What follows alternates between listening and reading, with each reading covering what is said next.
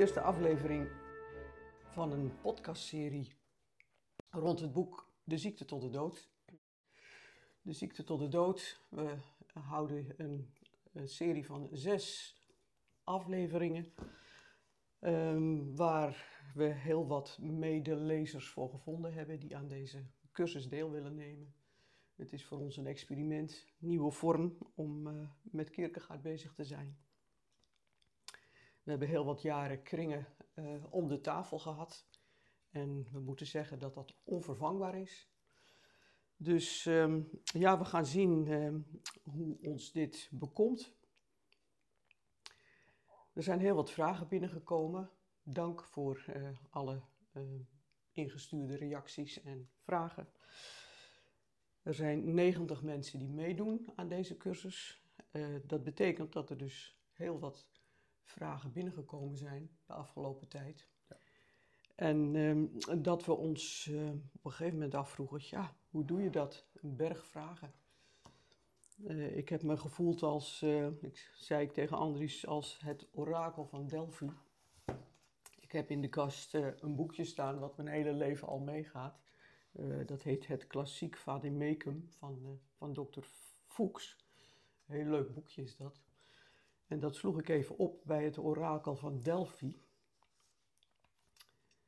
Eh, even kijken of ik het zo vinden kan. En daar staat. Delphi is een stad in ehm Focus, aan eh, de zuidrand van de Parnassus. Door de Grieken beschouwd als het middelpunt, de omphalos, de navel van de aarde. De grote eh, Apollo-tempel herbergde het orakel waar de Pythia haar antwoorden gaf. De Pythia, dat is de priesteres die op een eh, driepoot boven een diepe kloof eh, zat. Naar verteld wordt, een kloof waaruit allerlei dampen opstegen. En van daaruit kon er dan in Pythia soms een orakel worden gewekt. Nou, ik moet jullie teleurstellen, wie er ook kijkt of luistert naar dit verhaal, eh, dat zal niet gebeuren. Tenminste, wij zijn er niet uitgekomen wie Pythia is, Andries of ik. Dat zal blijken. En of er dampen uit die kloof komen, dat eh, moet ook nog blijken. Maar we hebben geprobeerd de vraag een beetje te rangschikken naar eh, het verloop van de tekst. We beginnen vandaag met de inleiding op het boek die Andries geschreven heeft in 2008 op verzoek van de uitgever in die tijd. Een inleiding, ja, dat is natuurlijk veel. Hè, er is veel stof, Ja. eh, heel veel onderwerpen, heel veel lijntjes. Eh, dat betekent dat de vragen ook nogal uiteenlopend van aard zijn. We hebben geprobeerd ze een beetje aan elkaar eh, voegen. En we hopen ja, dat vragenstellers zich een beetje kunnen herkennen in eh, het gesprek wat we hierover gaan hebben. Ehm, ja, laten we maar beginnen, zou ik zeggen, met, eh, met ja, we hebben ze een beetje geordend. Ehm, ehm, gewoon volgens de, in, in de volgorde van de inleiding, zal ik maar zeggen. En eh, er waren natuurlijk vragen die, eh, die veel op elkaar leken, dus die hebben we dan samengevoegd. En de eerste vraag gaat eigenlijk heel simpel over die titel. Eh, vertwijfeling als dodelijke ziekte, wordt dat bedoeld? Vertwijfeling als dodelijke ziekte. En iemand anders zei ook, ehm, er is natuurlijk ook die mogelijkheid van je lijdt aan een ziekte tot aan je dood. Leid je aan die ziekte. Nou ja, duurt het tot de dood of is het aanleiding, leidt het tot de dood? ja, Dat kun je beide uit die titel natuurlijk halen. ja. En je kunt ook zeggen, ja, het, het, is, het is duidelijk een- ziekte waar je niet aan dood gaat. Maar dat is misschien juist het probleem. Eh, eh, eh, eh, maar in een bepaald opzicht gaat het over een vorm van geestelijk dood zijn misschien wel. Nou, Maar ja, daar gaat het boek natuurlijk Wij- het een en ander over onthullen. Ja, we gaan, dat, we gaan die titel verder niet onthullen, want in, in de, de Kierkegaard begint, in- en dat zal bij de volgende aflevering duidelijk zijn, meteen eh, aan te geven hoe die aan die titel komt. Maar de dingen die we nu gezegd hebben, die komen wel allemaal een beetje in de buurt. We gaan meteen naar de tweede. Um, Kierkegaard schreef je, die doet de keus om geen predikant te worden. En uh, dan gaat hij opnieuw schrijven. Maar, um, en dat doet hij dan met het onderwerp vertwijfeling in de ziekte tot de dood. Maar is hij nou later nog meer op die vertwijfeling teruggekomen? En, uh, of uh, schrijft hij alleen maar retorische werken, dus zeg maar opbouwende toespraken, en geen filosofische of psychologische werken meer? Mm -hmm. wat maakt het eruit op? Um, is vertwijfeling iets wat op dat moment dus echt uh, de aandacht had van Kierkegaard? En daarna ging hij verder met vooral dat opbouwende werk, of niet? Ja. Nou ja, en, en, dat is nou precies uh, uh, niet zo natuurlijk, zou je kunnen zeggen. Want dat onderwerp vertwijfeling, dat speelt een rol eigenlijk in al zijn werken. En niet alleen in de psychologische werken. Je moet misschien zeggen, juist niet, hè? want het is, een, het is voor hem een, een menselijk probleem. Dus ik zeg in de inleiding ook, hij noemt het, ik noem het volksziekte nummer één, zegt hij eigenlijk. Hè? Nou ja, dat is misschien ook wat typerend voor Kierkegaard.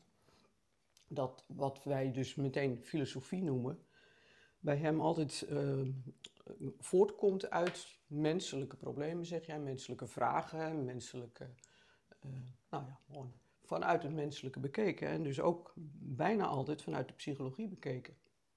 En daarom is zo'n woord als vertwijfeling, nou ja, wat bij ons misschien toch een beetje onwennig voortkomt, uh, voorkomt, toch een ja, voor hem heel diep doordacht woord. Ja. Waar hij al veel langer voordat hij dit boek schreef, duidelijk mee bezig is geweest en waar hij ook mee bezig bleef. Uh, en wat je heel vaak herkent, terugvindt, ook in de toespraken. Ja, kijk, in of-of weten we van, nou ja, daar, die jonge estate uit het eerste deel, voor wie dat boek kent, die jonge estate, daarvan wordt gezegd, die is vertwijfeld. En dat woord komt nog wel eens voor, vooral in het tweede deel, als rechter Wilhelm daarover gaat schrijven. Maar in de werken tussen of-of en de ziekte tot de dood komt het woord vertwijfeling honderden keren in de Kierkegaard voor. Dat is echt, dat loopt in de 300 keer tussen of-of en de ziekte tot de dood. En ook na de ziekte tot de dood komt het nog minstens 50 keer voor. En dan is het dus in toespraken. Dat komt omdat hij natuurlijk um, altijd over het menselijke schrijft. En hij is ervan overtuigd. Bijvoorbeeld als hij in het boek over de liefde schrijft, over iemand die geen hoop heeft, die geen mogelijkheden ziet. Zo iemand is vertwijfeld. Dus een mens die geen hoop kent, is een vertwijfeld mens. En Wij gebruiken natuurlijk heel vaak wanhoop hè, in onze tijd. Tenminste, denk ik dat we dat makkelijker of gewoner vinden klinken dan ja. vertwijfeling. Maar, maar het probleem met het woord wanhoop is een beetje dat. Okay, met, ja, met de etymologie, uh, dat is een beetje jammer. Maar dat, ja. dat komt nog aan de orde, denk ik. Want ja. dat zijn, en dat zal voor heel veel dingen van vandaag gelden, dat ze allemaal nog terugkomen als we het eigenlijke boek gaan lezen. Ja. Maar zo'n woord als wanhoop, dat is ook, het heeft zo gauw iets van, ja, iemand is wanhopig. En kijk, dat is iets wat mensen zich dan vaak bewust zijn, want er is iets gebeurd, iets vreselijks. En ze zijn wanhopig. Maar met vertwijfeling is het veel subtieler. Dat, zit, dat kan onbewust in de mens zijn. Kierkegaard zegt, de onbewuste vertwijfeling is de meest voorkomende. Nou, daar komen we natuurlijk nog op. Dat wat betreft um, wat is hij daarna gaan doen? Juist als hij zijn toespraken schrijft, komt er regelmatig ook dat thema vertwijfeling voor. Veel, ja. Dan komt er een vraag over uh, die retorische aanpak en deze systematische of schematische aanpak. Ja, retorisch kun je, kun je dat nog een beetje helderder maken.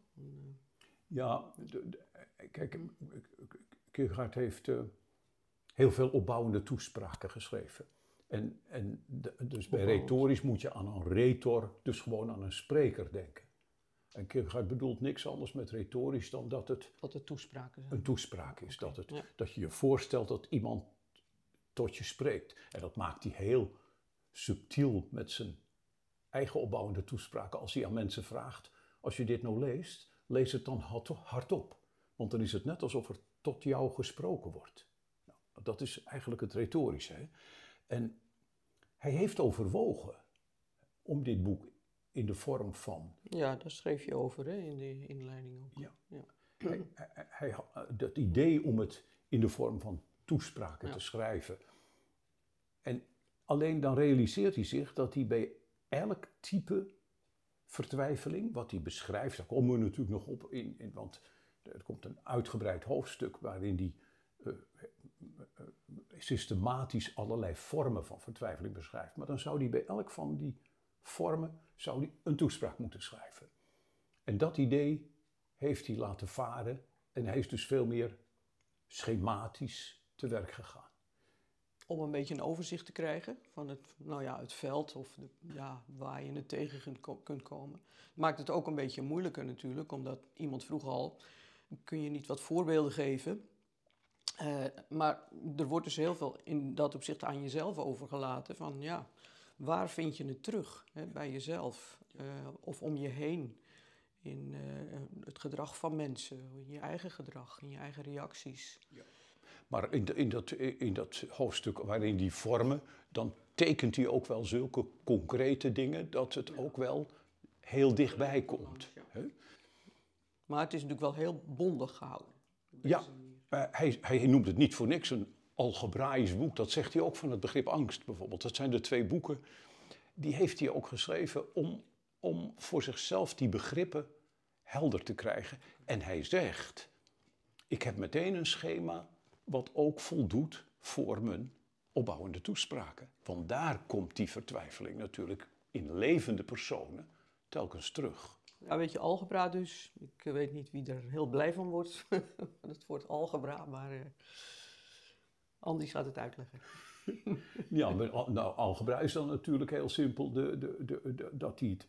eh, dat het in formules samenvatten? Ja, nou, dat, nee, dat het heel schematisch. Hè, dus voor hem is dat woord algebra, dat betekent natuurlijk dat het heel, helemaal uitgekiend is. Hè, maar heel veel mensen beginnen toch een beetje te, te piepen bij het woord wiskunde. En, eh, Ja, dat is het probleem natuurlijk. De, de, de, de, de, dyscalculie is in deze maatschappij veel groter nog dan de dyslexie. Maar eh uh, Kierkegaard bedoelt er dus niets anders mee dan dat hij zegt: ik, ik heb het op schema gebracht. En dat is meteen een andere, een beetje andere stijl natuurlijk dan zijn andere werken, want daar probeert hij juist verhalend. De grote boeken als Of Of en Stadie op de levensweg probeert hij juist heel verhalend ehm, en aan de hand van voorbeelden. Uit de literatuur ook Ja, veel, hè? veel voorbeelden uit de Dat, literatuur. dat vind je hier bijna niet. Ja. Nou, dus ehm, eh, veel van de dingen, daarom zegt hij, veel van zijn ideeën komen in een meer retorische vorm voor in de toespraken. En dat is het bijzonder als je dus zegt, ja maar psychologie, hij heeft psychologische werken geschreven zoals de ziekte tot de dood. Jawel, maar zijn psychologische ideeën en zijn filosofische ideeën komen voortdurend ook, Eigenlijk altijd terug. eigenlijk altijd. Hè? Ja, in ja, zijn zou ik zeggen. Ja, Ja. ja. Alleen het is natuurlijk niet een psychologie zoals wij dat gewend zijn of een psychologieboek. Ehm, het is totaal anders van karakter, omdat het heel veel aan jezelf overlaat en je uitdaagt eh, om er zelf over na te denken en om naar jezelf te kijken. En zeker ook dit boek. om over jezelf na te denken. Want het boek Zelf. gaat over het Zelf. zelf. Daar komen we natuurlijk nog wel op. Nou, een volgende vraag zegt ehm, het effect van dat jaar 1848. Het heeft hem een enorme verheffing gegeven, wat hij meemaakte tussen 1846 en 18, nou ja, eigenlijk tot aan zijn dood toe. Wat De- bedoel je met verheffing? Van, eh, Nou, hij zegt, het heeft hem een, een verheffing gegeven en het heeft hem gekraakt. ja, Ehm, dat is nogal wat. ja, wat zou hij daarmee bedoelen? Ja. Nou, kijk, eh, wat is er gebeurd? Hij, hij, hij wordt eh, belachelijk gemaakt in een, in een, een, een, een beetje een sensatieblad, de Corsaar.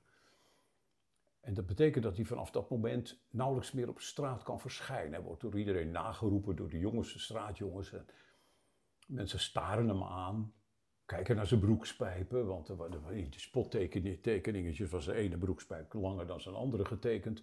Dus de mensen gaan heel openlijk naar zijn broek staan te, te, te staren en zo. Dus hij gaat in die jaren ook veel meer tochtjes buiten Kopenhagen maken. In plaats van die anderhalf uur wandelen in en aan de rand van Kopenhagen, maakt hij veel meer tochtjes met een rijtuigje naar buiten. Dat heeft een grote verandering in zijn leven gebracht. En dat was natuurlijk heel makkelijk om op dat moment predikant te worden ergens op een dorp. En dat kon hij makkelijk worden. Want daarvoor had hij alles gedaan. Dat is doctoraal theologie. Hij had het pastoraal seminarie gedaan. Dus hij kon zo predikant worden. Maar hij wist, moet ik niet doen. Ik moet hier blijven. En ook hier op deze plek in Kopenhagen. en, en dan zegt hij ook, er is eigenlijk een, nieuw, een nieuwe snaar op mijn instrument gekomen. En dat is eigenlijk die verheffing. Dat is die verheffing. Ja. Ja. ja. Het was natuurlijk een hele beproeving wat hij daar meemaakte.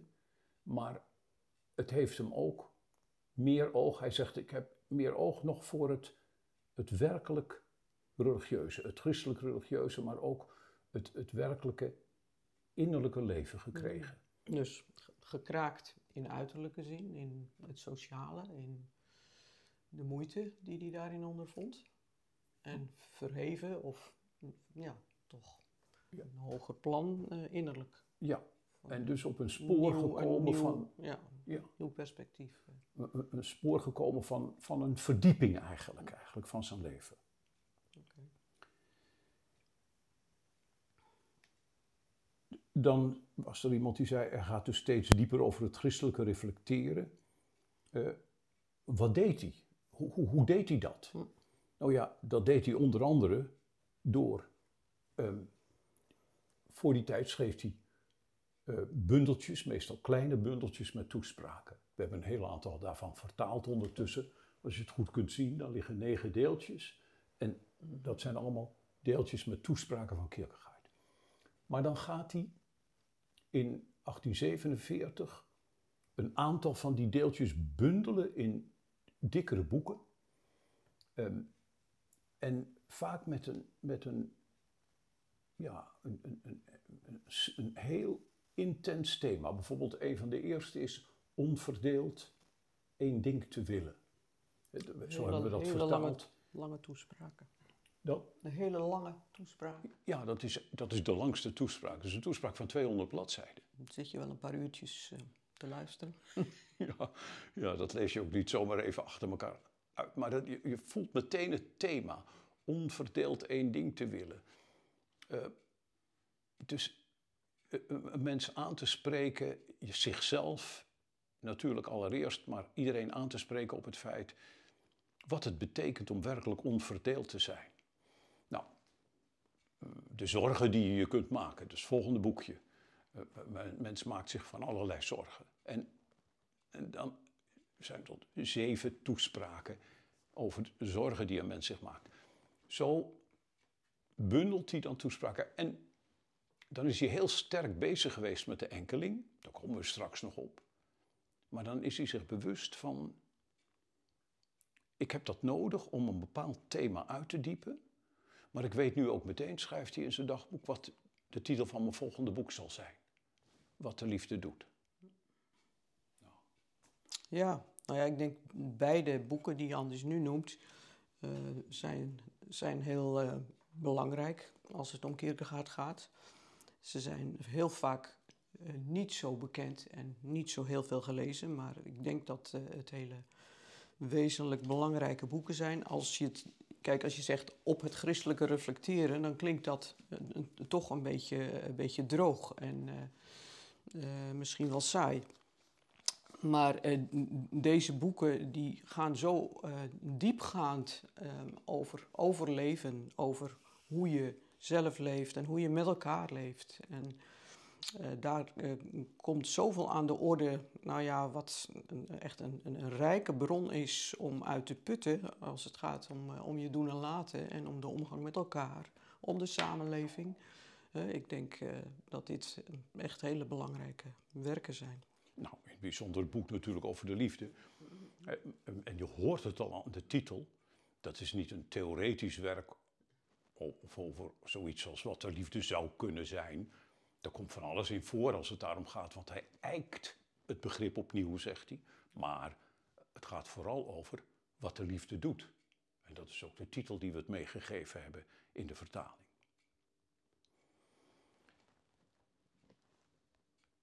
Er was iemand die zei, het is wel een opmerkelijke paradox. Kierkegaard is tamelijk kritisch op de christenheid, maar hij gaat toch trouw naar de kerk. En, en hij schrijft zelfs toespraken bij het avondmaal op vrijdag. Dus op vrijdagmorgen werd er in de, in de Lutherse kerk in Denemarken werd er avondmaal gevierd, de Eucharistie. En eh, ja, daar ging hij met regelmaat heen. En daar heeft hij ook kleine toespraken voor geschreven. Ehm, was dat voor hem zo dat hij dus ja, to- toch niet buiten die kerk kon?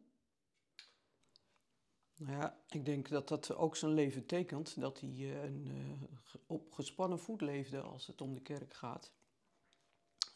En eh, die faam die heeft hij zich ook wel verworven om nou ja, te zorgen dat dat opgevangen is altijd. Hij, net in het vorige hadden we het over dat hij op het christelijke reflecteerde. Nou, hij heeft zijn leven lang gezocht naar als iemand die opgevoed is in de christelijke leer, in binnen het christendom, zijn leven lang gezocht naar wat betekent dat nou eigenlijk. Mm, hij heeft het serieus genomen. Hij is er diepgaand eh, op, op gaan nadenken, over gaan nadenken. En dat, eh, ja, dat is een lijn die je dus ook in zijn boeken terugvindt. Maar iedere keer maar weer teruggaan naar waar we het al eerder over hadden. Eh, wat betekent voor je, het voor mij? Wat betekent het voor mensen gewoon binnen dit concrete eh, aardse leven? En die kritiek op de kerk, ehm, die was dus echt ja, van binnenuit, van binnenuit in zijn zoektocht naar, ehm, ja, hij kwam in het christelijke eh, waarden tegen die voor hem zo eh, de, moeite, de moeite waard waren en belangrijk om toch niet overboord te gooien. Maar in de praktijk van, eh, van de kerk, waar hij deel van uitmaakte, eh, bleek dat heel vaak te rammelen. Eh, het leven dat mensen leiden, de manier waarop ze met elkaar omgaan. En ik denk dat dat van alle tijden is en dat menigeen zich daar ook in herkennen zal. Dat, eh, kijk, als je kijkt naar de praktijk van kerk, christendom, waar op allerlei plaatsen, dan mankeert er een heleboel aan. En toch, kijk, voor Kierkegaard bleef het belangrijk om na te denken van ja, maar hoe zou het wel moeten? Wat is de kern? Ja. Waar, waar, waar, waar, gaat het Hoe eigenlijk zou om? het moeten zijn?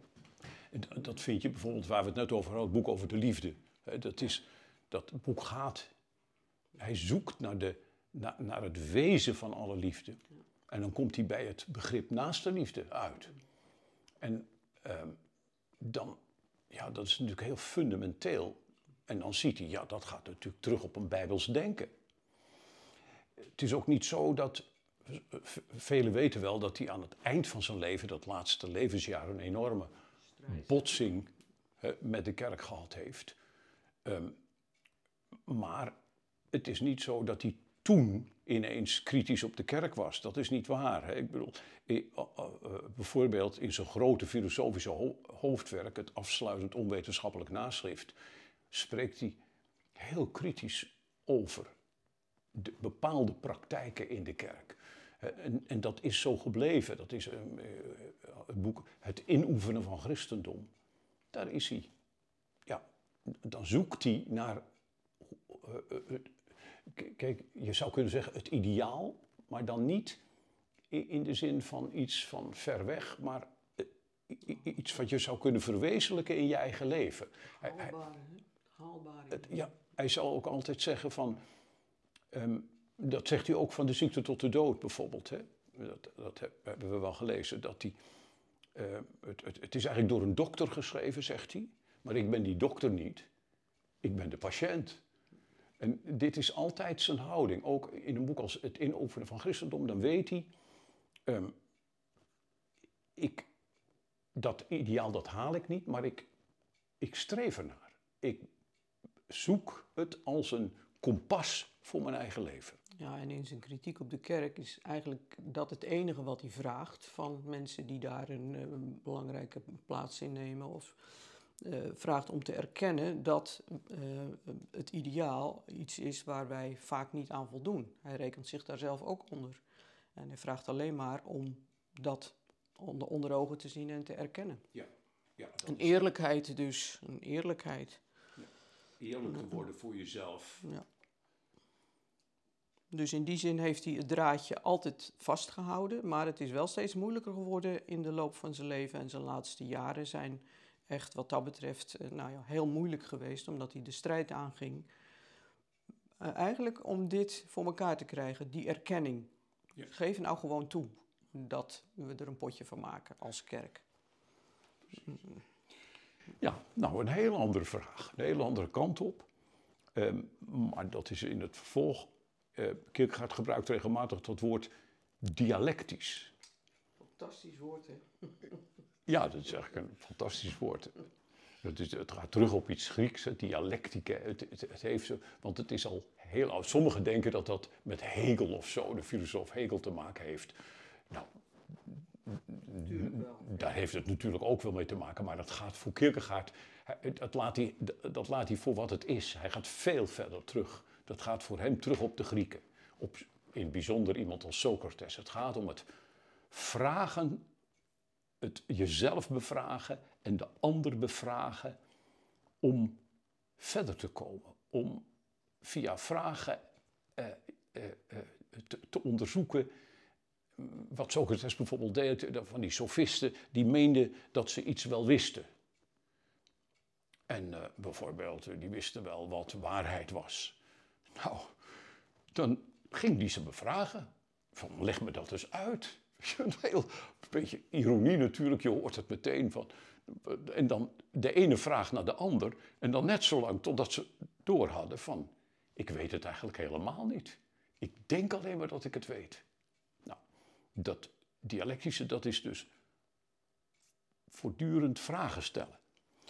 Nou ja, dat is ook best belangrijk om. Uh, uh, het is leuk om te kijken naar de Grieken en de sofisten enzovoort. Maar om te zien hoe dat uh, altijd van belang is om, nou ja, altijd maar weer vraagtekens te zetten. Te schudden aan, aan de ideeën. Ik denk dat ik, ik heb altijd heel veel moeite met dat woord dialectiek gehad. En iedere keer moet ik dan een soort vertaalslag maken. Wat was het ook alweer? Maar het is gewoner dan je denkt. gewoon toch schudden aan je zekerheden, vragen stellen en doorvragen. En, dus, en aan elkaar. En, ja, en, dus vooral vragen stellen aan jezelf. Ja. ja. Vragen stellen aan jezelf. Kijk, en als hij dan zegt dat het boek te streng en te dialectisch is, dat zegt hij eigenlijk niet. Hij zegt, als het boek te streng en te dialectisch is om opbouwend te zijn, dan is het niet in orde. Want dit boek is streng en dialectisch, oké, okay, maar het is ook opbouwend. Dat weet hij zeker, want het, het is de ondertitel, hè, ter opbouwing ja. en ter opwekking. Dus de, de, uh, hij, en hij zegt, eigenlijk is dat de eis die je aan alle wetenschap zou moeten stellen. Dat het streng is en dialectisch, maar dat het ook opbouwend is. En wat dat betreft, dacht ik, is dat een best een aardige les voor onze tijd ook. Wat hij zegt over alle wetenschap, alle, zeker alle geesteswetenschap oh, maar sociale wetenschap, alles zou streng en dialectisch, natuurlijk stelt hij hoge eisen aan wetenschap, maar het moet ook opbouwend zijn. Het moet iets met het menselijke te maken hebben. Het moet raken aan mijn eigen leven. Waar, waar ben je anders mee bezig? Mm Nou ja, dat is nog wat. Ja. Dat is een hoge inzet. Hm. bij dat woord ontwikkelen, het is dus, dus een uiteenzetting, heb ik dat woord ontwikkelen. En ehm, Is dit een nieuw punt? Of, eh, dat is een nieuw punt. Ja, ja een, punt wat te maken heeft met, met, met beweging. Met, ehm, nou ja, als, als je aan persoonlijke ontwikkeling denkt, dan is de eerste gedachte dat je denkt van nou, het is verder gaan. Hè? Het, is een, het is een ontplooiing, het is nou ja, steeds verder uit laten komen van wat erin zit. Ja. Dus een weg vooruit. En bij Kierkegaard merk je dat daar heel vaak, nou ja, een, ehm, eh, eh, goed over nagedacht wordt, ehm, omdat hij belicht dat je soms ehm, een stap terug moet, of misschien wel heel ver terug moet, om je te ontwikkelen. Dus dat een beweging vooruit tegelijk ook een beweging terug is. Ja, ik, ik probeerde met dat woord ontwikkelen, eh, dat, dat, dat, wa- wat hij gebruikt, dat, dat, dat, dat, dat is ook e- e- e- ergens iets van, van af, Afpellen, afpellen, ja. hè? Ont- afwikkelen. ontwikkelen. Ja. Ja. Dat wat in elkaar zit, dat probeer je weer losser te krijgen, zicht te krijgen op. Ja, en dus, dus niet. eh, eh, eh, En het- is juist de bedoeling om niet bij de werkelijkheid vandaan, maar dieper af te dalen. En dat betekent ook wel heel vaak bij hem dat je, dat je moet afremmen. We hebben de neiging om hoe sneller, hoe beter. En dat is zeker in deze tijd eh, met nou ja, de manier van communiceren. Dat dingen ontzettend snel kunnen, dat je heel veel snel te weten kunt komen. Bij Kierkegaard is het heel vaak van stop, hè, kom tot stilstand, eh, eh, want jij gaat niet zo snel. Het lijkt wel zo in je fantasie en in je gedachten en in je verbeeldingskracht, maar het leven zelf gaat helemaal niet zo snel. Dus je moet stoppen, je inhouden en heel vaak ook gewoon de beweging terugmaken. Ja. Maar dat komt in het boek eh, ook, ook wel weer terug, ja, zoals Ja. zoveel dingen. Maar beweging is dus, we denken bij beweging vaak aan Vooruit. vooruit, wat je zei. En, en, en voor hem is beweging juist vaak eh, stilhouden, Ja, eh, verdieping, eh, keer naar binnen kijken, terugkijken. doorvragen. Ja. Ja, dan komt er een vraag over, zouden jullie iets eh, nog een keer over dat esthetisch, ethisch en religieus kunnen uitleggen? Die termen komen regelmatig voor. Ik denk in ieder eh, inleidend praatje over Kierkegaard eh, kom je dit onderwerp tegen. Eh, omdat het eh, de drie stadia genoemd wordt. Eh, nogal vaak ook wordt dat toch naar ons idee niet helemaal goed geduid. Dat is, dat is voorzichtig uitgedrukt. Helemaal Omdat niet. het woord stadium eh, eh, bij ons toch bijna altijd oproept van nou, een stapje hoger. Hè? Eh, eerste stapje, tweede stapje, derde stapje. Dus het gaat van minder naar meer. Nou, bedoelt Kierkegaard dat? Nou, dan, dan, zegt men er ook vaak bij, en dan gaat van het een naar het ander is ook nog een sprong. Want dan hebben ze gehoord dat Kierkegaard gebruikt de term sprong. Dus dan is het van het het treetje naar het ethische is een sprong. En van het ethisch naar het religieuze, dat is ook een sprong. Ja, daar moet eigenlijk alles op afgedongen worden, eerlijk gezegd. Ehm, kijk, ehm, zelfs rechter Wilhelm noemt het esthetische en het ethische geallieerden. En in dat woord geallieerden zit het al, dat zijn een soort bondgenoten. Het esthetische en het ethische. Kierkegaard schrijft aan zijn beste vriend, levenslange vriend, Emil Bozen. Het esthetische, dat is mijn element. En, en als hij dan iets vertelt over iets in zijn leven, dan zegt hij: Het ethisch alleen, dat zou me kraken. En daar bedoelt hij mee. Ja, het, het, het leven is, is een evenwicht tussen die twee. Dat is ook het wonderlijke. Alleen of of. Het tweede deel staat een opstel. Een, een, dus zo een brief van rechter Wilhelm. Maar het is gewoon een opstel. En dat heet over het evenwicht tussen het esthetische en het ethische in de ontwikkeling van de persoonlijkheid. En ik zou zeggen, kan het duidelijker. Eh, eh, dus Ik heb ook in, in het boek De Mens is Geest, ik zal, ik zal het toch maar even laten zien, heb ik uh, daar mee bezig gehouden. En juist over elk van die gebieden. Dus er, er is een hoofdstuk, dat heet Stadia op de levensweg. En dan komt er een hoofdstuk over het esthetische, het ethische en het religieuze. Want uh, voor Kierkegaard is het heel belangrijk dat je inziet uh, dat zijn levensgebieden, hij noemt het ook wel dimensies. Sferen. Sferen, ja. existentiesferen. Ja. Dus, ja. Dus, dus dat betekent gewoon... Het hele veld eigenlijk. Die dimensies van je bestaan. Ja. En je kunt dan verschillende gebieden... Zal ik een paar zinnen eruit voorlezen? Nou ja, wat zal ik... Kom op. Het eerste gebied dat hij onderscheidt, waar hij een groot belang aan hecht en wat hij, waar hij veel over schrijft, is dat van het esthetische. Het is de wereld van huis en tuin, van hoe je die inricht en hoe je daarin leeft, de wereld van kleding en opmaak, van uitgaan en vermaak, van voorspoed en geluk, van muziek en dans, van boeiende vrouwen en aantrekkelijke mannen, van reizen en trekken, van kijken en koken, van mooi en lekker, van het uitzonderlijke en het interessante waar je voor uit je stoel komt, maar ook van het gewone en bekende waar je aan gehecht raakt en voor thuis blijft. Daarnaast is er een gebied dat hij het ethische noemt. Wat moet je daarbij denken? Het is allereerst de uiterlijke wereld van regels en protocollen, van schoolreglementen en verkeersafspraken, van recht en rechtspraak, van wetten en wetshand, wetshandhaving, van zeden en moraal, maar ook een meer innerlijke en persoonlijke wereld van eerlijkheid en idealen, van opvoeden en voorschrijven, van orde en netheid, van samenleven en samenwerken, van verantwoordelijkheid nemen en verantwoording afleggen.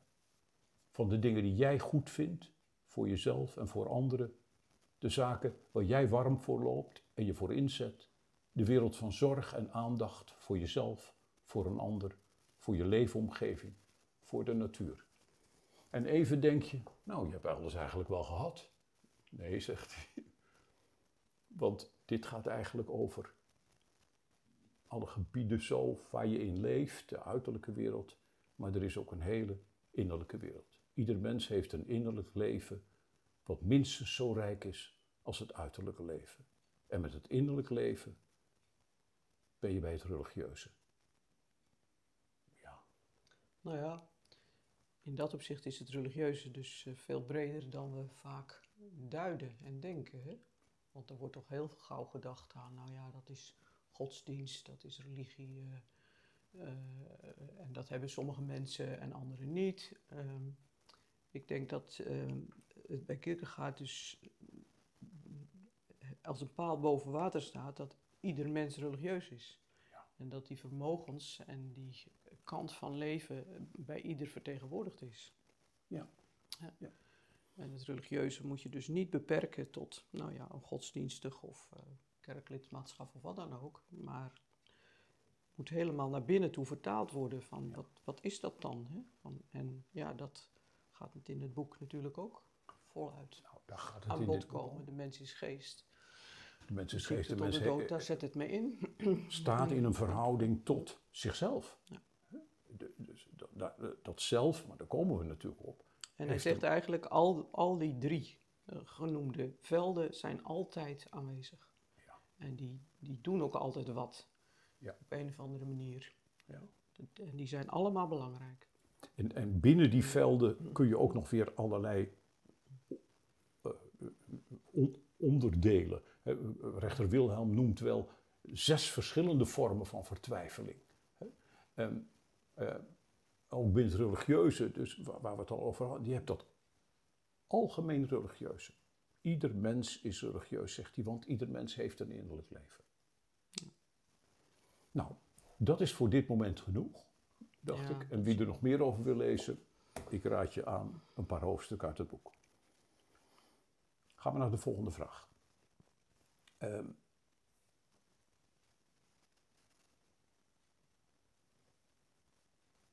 nog iets over Kierkegaards gebruik van pseudoniemen. Die Johannes Climacus en die Anticlimacus. Ja, ehm,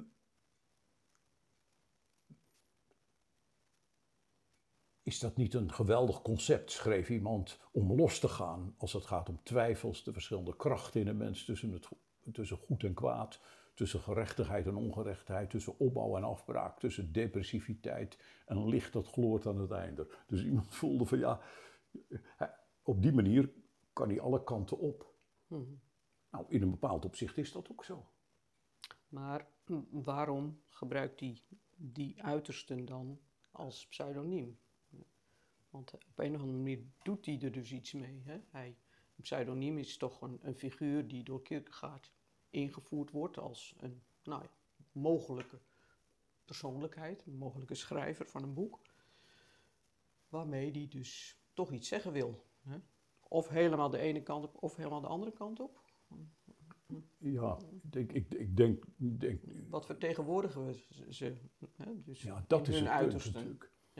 Wat, eh, wat heeft hij met die pseudoniemen gewild? Ik moet wel zeggen, over die pseudoniemen hebben we elders in, in de leesgids bij, eh, bij de herhaling.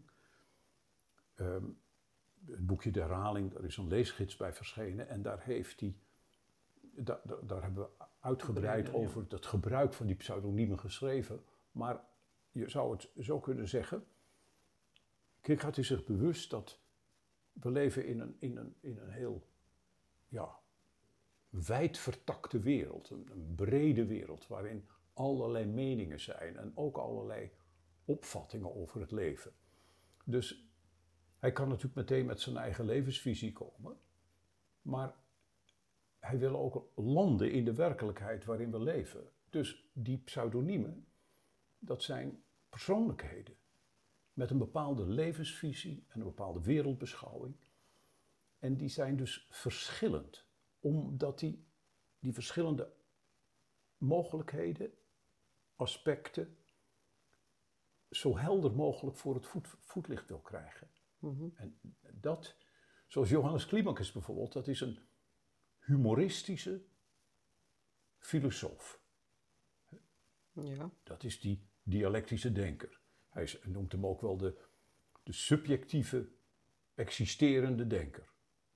Mhm. Eh, Dus, maar die Johannes Climacus die zegt, kijk, dat christendom, daar ben ik wel in geïnteresseerd bijvoorbeeld, maar ehm, ik behoor daar niet toe.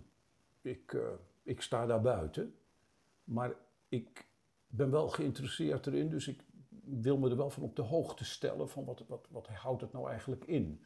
Dus hij kijkt er van de buitenkant naar en hij analyseert wat hij dan ziet. En ja, ik, zit nog te denken over dat, wat dan dat Johannes Climacus inhoudt. Betekent dat dat hij dan zo, zo ver mogelijk op wil klimmen daarin, in dat, in dat denkproces? In dat nagaan van... eh, ja. Nou, Daar zit in ieder geval die, dat want- dialectische in van die trap.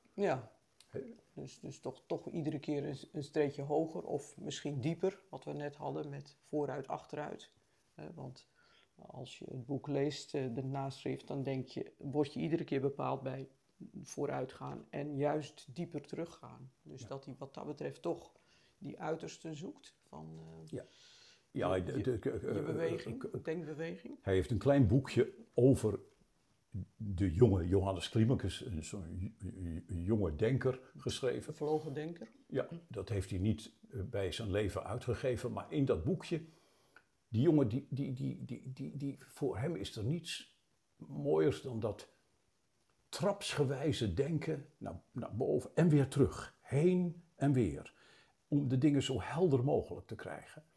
Nou, dat is Johannes Climacus. Anticlimacus, je hoort het aan die naam al, dus de hele andere kant op.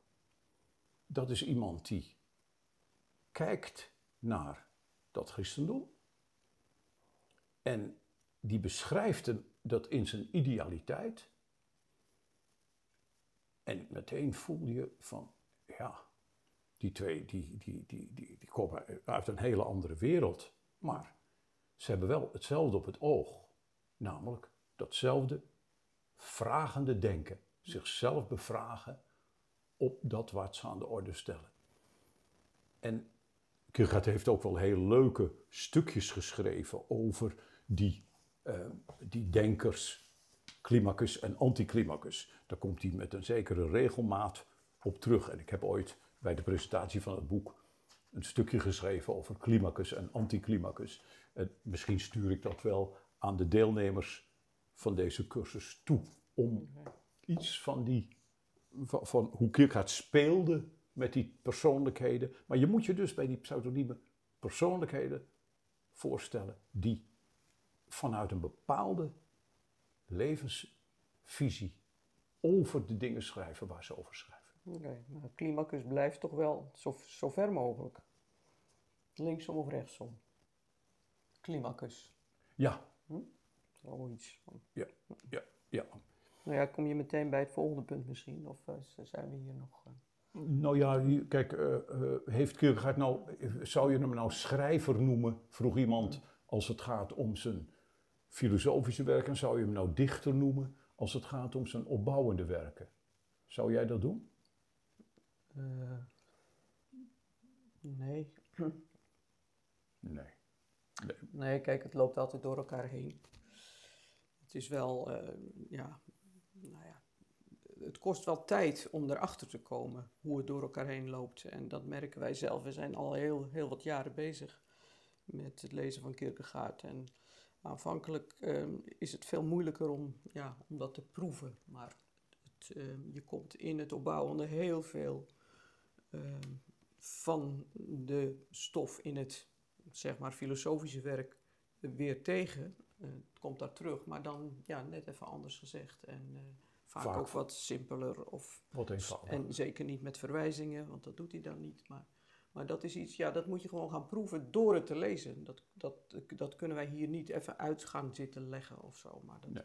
dat Maar- is precies, dat is, je moet, je moet Kierkegaard gewoon lezen. En, De- die, woorden, de, de- die woorden als schrijver, dichter, in het Deens is er eigenlijk maar één, één Ja. woord en dat betekent gewoon allebei. wij noemen het de auteur hè, tegenwoordig van een boek. Eh, Ja, Tenminste, ja, dan ook weer een, lied, een, eh, een fictie misschien, aan de kant van de fictie. Ja. maar Kierkegaard was wel een echte taalkunstenaar ook. Ja. Ik bedoel, hij, hij, hij schrijft ergens in een dagboektekst dat hij alle zinnen die hij heeft opgeschreven, die heeft hij altijd eerst voor zichzelf uitgesproken. Want het moest ook klinken en dan pas schreef hij het op. Dus hij, hij, eh, dat speelt een rol in al zijn werken. De- de- hij is ook een, iemand die mooi schrijft. Die, hij schrijft die verliefd was op zijn moedertaal. Dus een, een mooi schrijvende algebra. Schrijver. Zeker. Ja. Eh, ja, de volgende vraag. Iemand eh, zegt, eh, eh, de, ik weet niet zeker of ik het pathos garanderen voor het existentiële goed begrijp. Moet iets heel veel indruk kunnen maken om op, opgemerkt en aantrekkelijk te worden? Nou, ik dacht dat? bij dat woord pathos, pathos dus even net aan het punt van die climacus die we hadden, met die uitersten. Hè? En, en dat dat woord pathos eh, voor Kierkegaard eh, ontzettend belangrijk is. eh, eh, hartstocht, eh, passie, eh, dat kom je ook op heel veel manieren weer tegen in zijn, in zijn boeken. Ja. Kijk, voor hem eh, liefde, maar ook geloof, dat noemt hij een hartstocht. Bewegingen van binnenuit, waar je iets waar je warm voor loopt, eh, waar, je, waar je werkelijk eh, nou ja, het onderste uit de kan wilt hebben. Ja. En dat, eh, dat is een, een eis die je in de naam van die, van die pseudoniemen terugvindt, vind ik. Van dat het onderste uit de kan. Ja, absoluut. En, en dan, dan- kijk, eh, hij zal ergens zeggen in het naschrift, dat wordt soms tegen elkaar uitgespeeld. Gevoel, fantasie, denken. En dan zeggen ze, ja, denken, dat is het hoogste. Nee, hij zegt, hij noemt dat met een prachtig woord in het Deens, wat wij zo moeten vertalen, het is ze- nevengeschikt. Dus ze zijn, ze horen, eh, Zij aan zij. je moet ze niet tegen elkaar uitspelen. Nee. Gevoel, fantasie, denken. Je zou willen dat, dat, dat al het denken en al het eh, eh, bezig zijn met, met het mensenleven, dat dat van, van die drie overtuigd is dat dat weer alle drie. Je moet weer net denken aan dat esthetische, dat ethische, religieuze. Het zijn gewoon drie gebieden. Dit is ook, eh, eh, speel die dingen niet tegen elkaar uit, alsof gevoel en fantasie minder zijn dan het denken. Nee. Hij zegt dat dat wreekt zich als je dat doet. Goed. Nou, dan moeten we een volgende vraag nemen nog. dat is dus niet eenvoudige. Ja, een kwestie die nogal Dat is in die- veel vragen terugklonk, volgens mij. Ja, ja, ja, heel veel vragen. Het is echt een heel stuk. Ik heb eh, van allerlei mensen die vragen van ehm, over lichaam, ziel, geest. En dan in het bijzonder over de verhouding ook, dat onderscheid tussen ziel en geest. Nou is daar nogal wat om te doen in onze tijd, heb ik het idee ook. Wordt echt naar gezocht van, ja, je zoekt naar woorden om innerlijke processen eh, eh, weer te geven. En dan zijn ziel en geest toch wel heel erg op één hoop gegooid, denk ik, eh, de afgelopen tijden. Eh Kierkegaard probeert toch onderscheid te maken. En het is ook wel wennen aan de manier waarop hij dan dat onderscheid maakt, denk ik. Eh, bij het woord ziel ehm, schreef iemand, denken wij toch vooral aan emotie. Eh, die, die kant van ziel. Eh, maar we weten ook dat ziel ehm, onder, onder het woord ziel nog veel meer te vangen is. Hè? En nou ja, misschien kun je nog eventjes wat van je schema weergeven als het gaat om ziel, geest, lichaam. Zo, eh, Ja, ja hij, hij, zegt toen natuurlijk dat, van, eh, van eh, dat, dat, de- de- hij, noemt dat mens is een synthese. En eh, dan, dan noemt hij een aantal aspecten van de, eh, eh, eh, eh, dus op, op verschillende gebieden. Hè. De mens is dus een, een samenstelling van ziel en lichaam. Wat moet je je daarbij voorstellen? Ja, kijk, hij zal bijvoorbeeld zeggen, een kind, kijk nou naar een kind. Een kind, een jong kind, dat je ziet spelen en lopen en bezig zijn, dan, zegt hij dat, dan zie je die samenstelling zo mooi van zintuigelijk, zielmatig.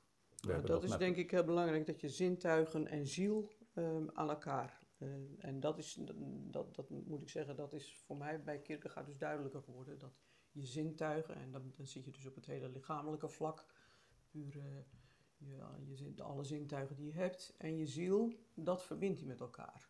dus eh, dat stuk van je Ja. beleving. Kijk, je kunt het onderscheiden, maar je gaat, kunt het niet scheiden. Het, het, daarom gebruikt hij dat woord synthese. Maar, maar is een kind dan geen geest? Ja, zegt hij. Maar de geest is dromend aanwezig.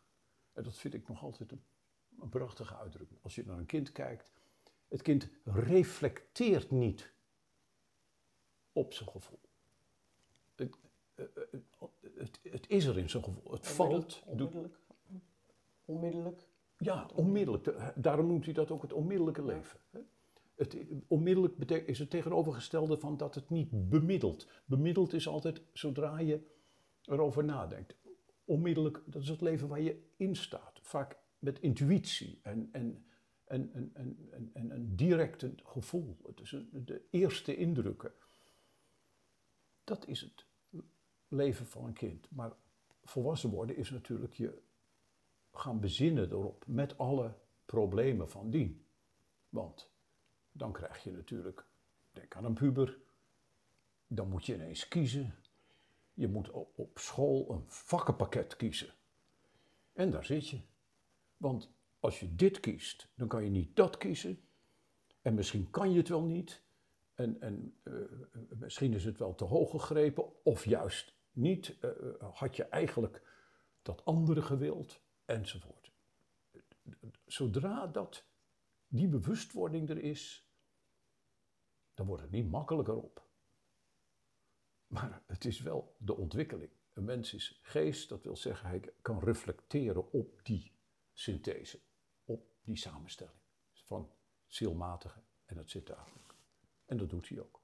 En zo noemt hij natuurlijk nog meer ehm syntheses, dus meer van die twee tweetallen, eindig, oneindig, noodzakelijk, mogelijk, tijdelijk, eeuwig.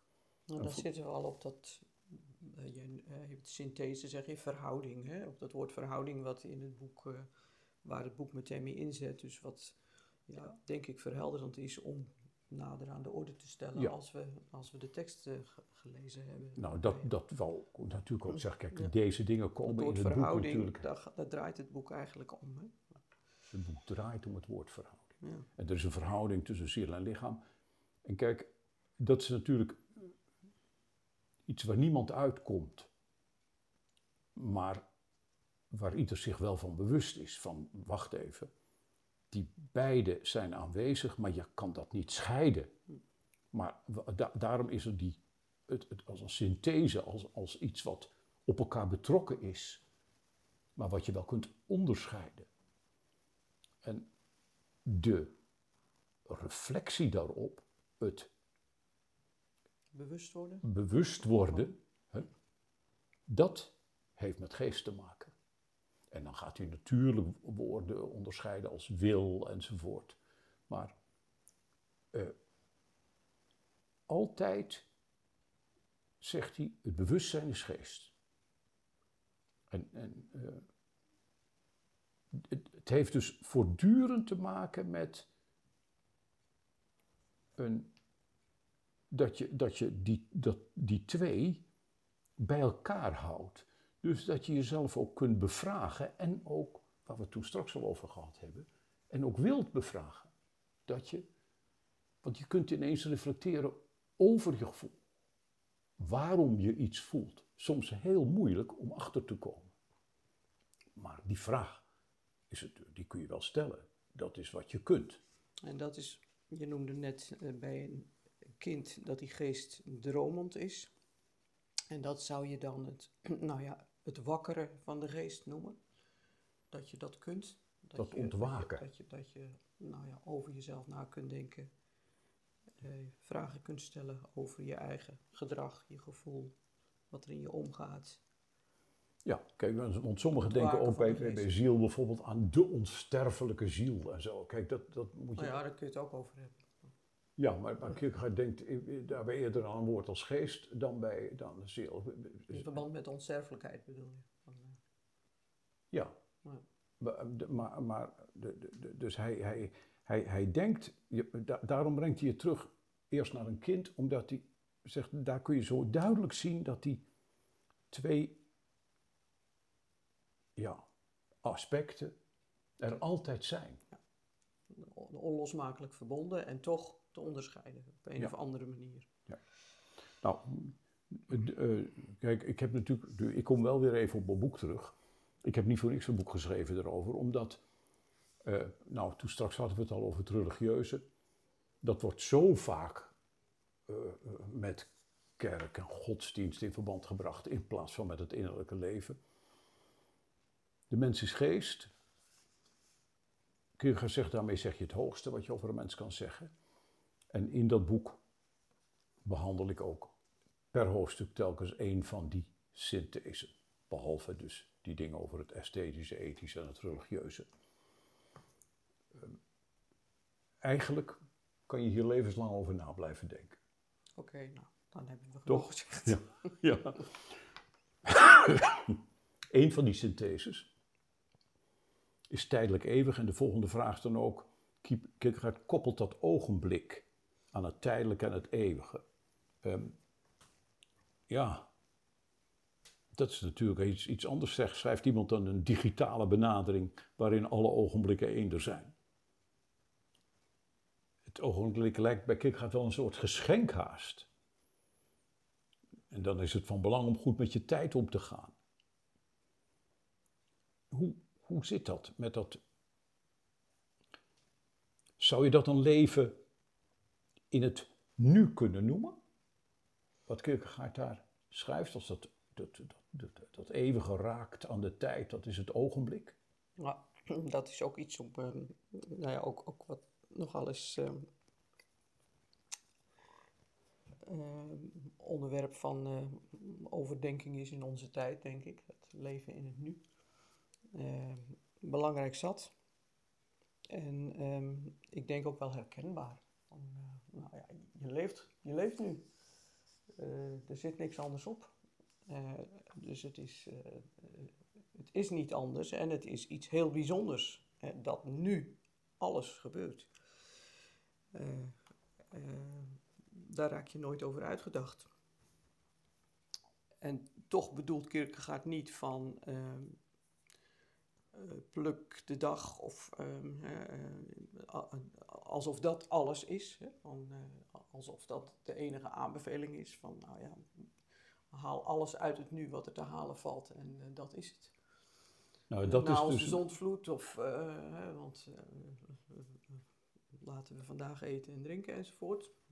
Ja, laten we eten en drinken, van morgen sterven we. Of na Die ons de, na ons de zondvloed. Ja, De boel de boel te laten. ja, die kant zit er natuurlijk ook, ook aan. Lijkt ook, ja, toch wel. eh, Maar dat, dat, dat bedoelt hij niet. Wel in het. Want dat, dan voel je meteen, dan zegt hij dat is de onvolmaaktheid van het zintuigelijke. Dat je ook heel makkelijk, eh, als mensen het hebben over ja, maar ik leef in het nu. Hè, of je moet in het nu leven. Dat dat heel gemakkelijk is, laat alles maar varen. Ehm Laissez-faire. Ja, nou ja, dat, dat, zo, zo kun je het eh, vertalen. Je kunt het ook eh, eh, de loodzware kant op krijgen. En in een bepaald opzicht is het in zijn leven ook een beetje gebeurd met die laatste jaren. Van toen ging hij werkelijk de strijd aan en dat noemde hij de pamfletten die hij schreef, het ogenblik. Maar dat, dat was geen pretje. Dat was een strijd waarin, nou ja, waarin hij eh, min of meer ten onder ging, heb je soms de indruk. Ja. Dus eh, weer is het ogenblik iets waar je dus eh, climacus, anticlimacus, alle kanten mee op kan. Of in ieder geval twee uitersten heeft. Eh, van, eh, eh, ja, hoe ga je ermee om? Het is er, het is, heeft ook iets heel ongrijpbaars, iets heel moois en iets heel moeilijks, denk ik. Om werkelijk in het nu te leven. Ja. Om niet alvast voorop te lopen. Ik moet dat zeggen dat ik dat zelf echt behoorlijk moeilijk vind om niet alvast een heel eind vooruit te denken. En het kan ook zijn dat je, nou ja, toch behoorlijk in het verleden gaat leven op bepaalde momenten in je leven. Het is echt een, eh, ook een opdracht, dat ogenblik. Dus het is een geschenk, zou ik zeggen, en een opdracht. Ja, dat kun je- en, en het is ook iets waar, waar- waar- daarom zijn er niet voor niks van die boeken over de kracht van het nu en zo. Kijk, wij hebben daar weet van. En hij zegt het heeft iets met de aanraking van het eeuwig in de tijd. Dat, dat, dat, je, dat, dat een, een ogenblik ook echt gevuld raakt. Dus zodat, je, zodat er een intensiteit van leven is, ehm, eh, maar, maar, maar niet een oppervlakkig leven. Nee, het tegenovergestelde juist van een oppervlakkig leven. Kijk, de- want iemand vroeg ook nog, hoe, hoe kom je nou met dat verleden, heden en toekomst? Als je aan dat ogenblik denkt, nou, kijk, ik zou zeggen, ja, hij denkt in, bijvoorbeeld in het begrip angst over tijd na. En dan zegt hij heden. Iedereen weet eigenlijk wel dat dat helemaal niet bestaat. Nee, Je spreekt het uit en het is verleden is het tijd. al weg, ja. Ehm, dus pas als dat ogenblik er is, als je dus dat ogenblik verstaat als een gevuld moment, ehm, waarin er werkelijk geleefd wordt, dan, zou je nog, dan kan je pas onderscheid maken tussen verleden, heden en toekomst. Dus dat bestaat eigenlijk bij hoe je het ogenblik ziet. Hmm. Nou, ehm, dat is genoeg erover, dacht ik. Nou, er, is, er is stof tot heel wat filosofie geweest ook. En Ja. dat zal het blijven. In het begrip angst heeft Kierkegaard hier over dat tijdelijk, eeuwig en het ogenblik uitgebreid geschreven. En ook niet eenvoudig. Maar dat is ook de reden, denk ik, dat hij op die synthese in dit boek niet weer terugkomt. Zoals hij ook over lichaam-ziel niet uitgebreid schrijft. Want dat heeft hij in het begrip angst gedaan.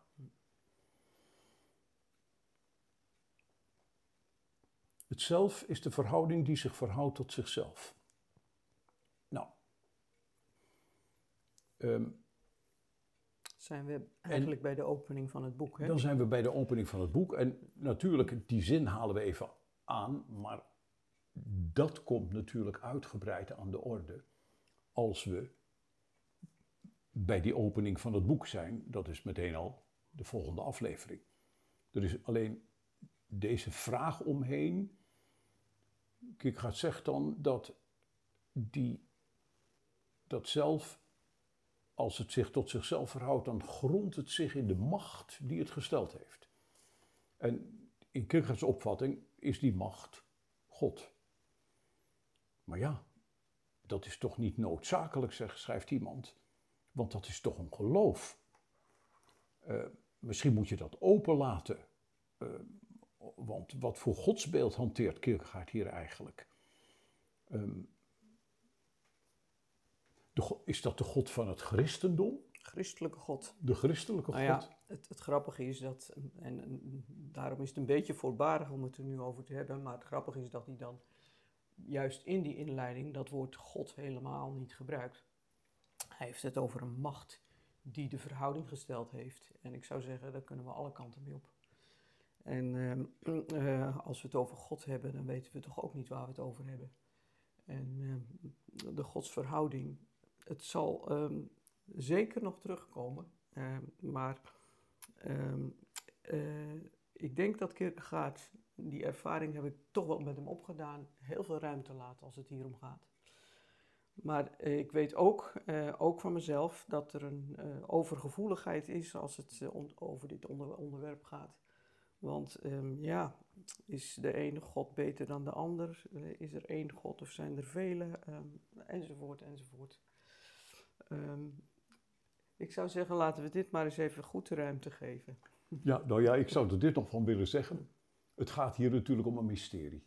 Oké, okay, uh, met andere woorden. En het is een mysterie niet alleen voor, het is het voor ieder mens. Yeah. Kijk, ik, als, als ik een lezing over de liefde hou, en ik confronteer de mensen met de liefde en het feit dat, dat, je, dat ieder mens dat kan, het vermogen heeft om lief te hebben, het vermogen heeft om te vertrouwen.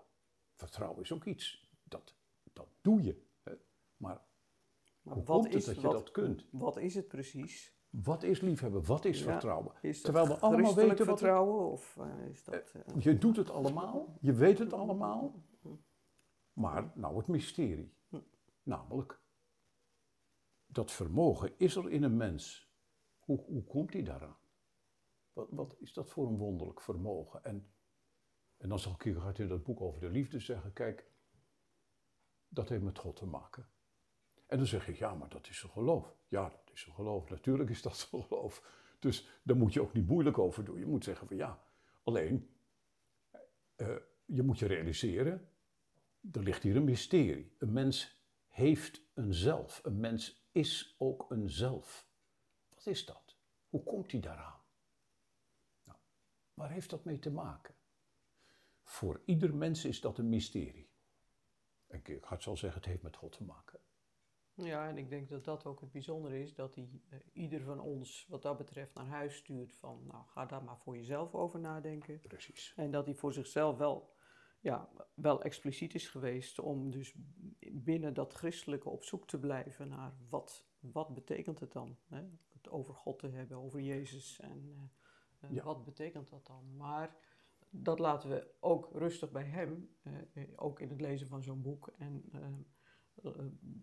wat zijn bedoeling is, dat, daar probeer ik dan oren voor te, te, te krijgen om nou ja, bij mezelf te kijken hoe het, hoe het zit. Met al die vragen. Nou, dan komt er een vraag over ehm, vertwijfeld zijn.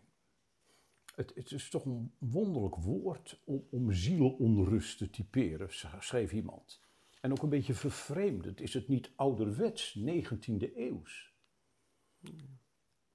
Ja, nou ja, het, het, eh, het is inderdaad niet een heel gebruikelijk woord. Hè? Nee. Eh, Dat woord vertwijfeld. het is wel een, een ge- gewoon Nederlands woord eh, en het ligt dicht bij het Deense woord. Eh, op een gegeven moment komt de etymologie van het woord ook aan de orde. en, daarom hebben we het ook eh, belangrijk gevonden om het woord te gebruiken. En ik, ik zou ook niet eh, een veel beter woord weten. Nee.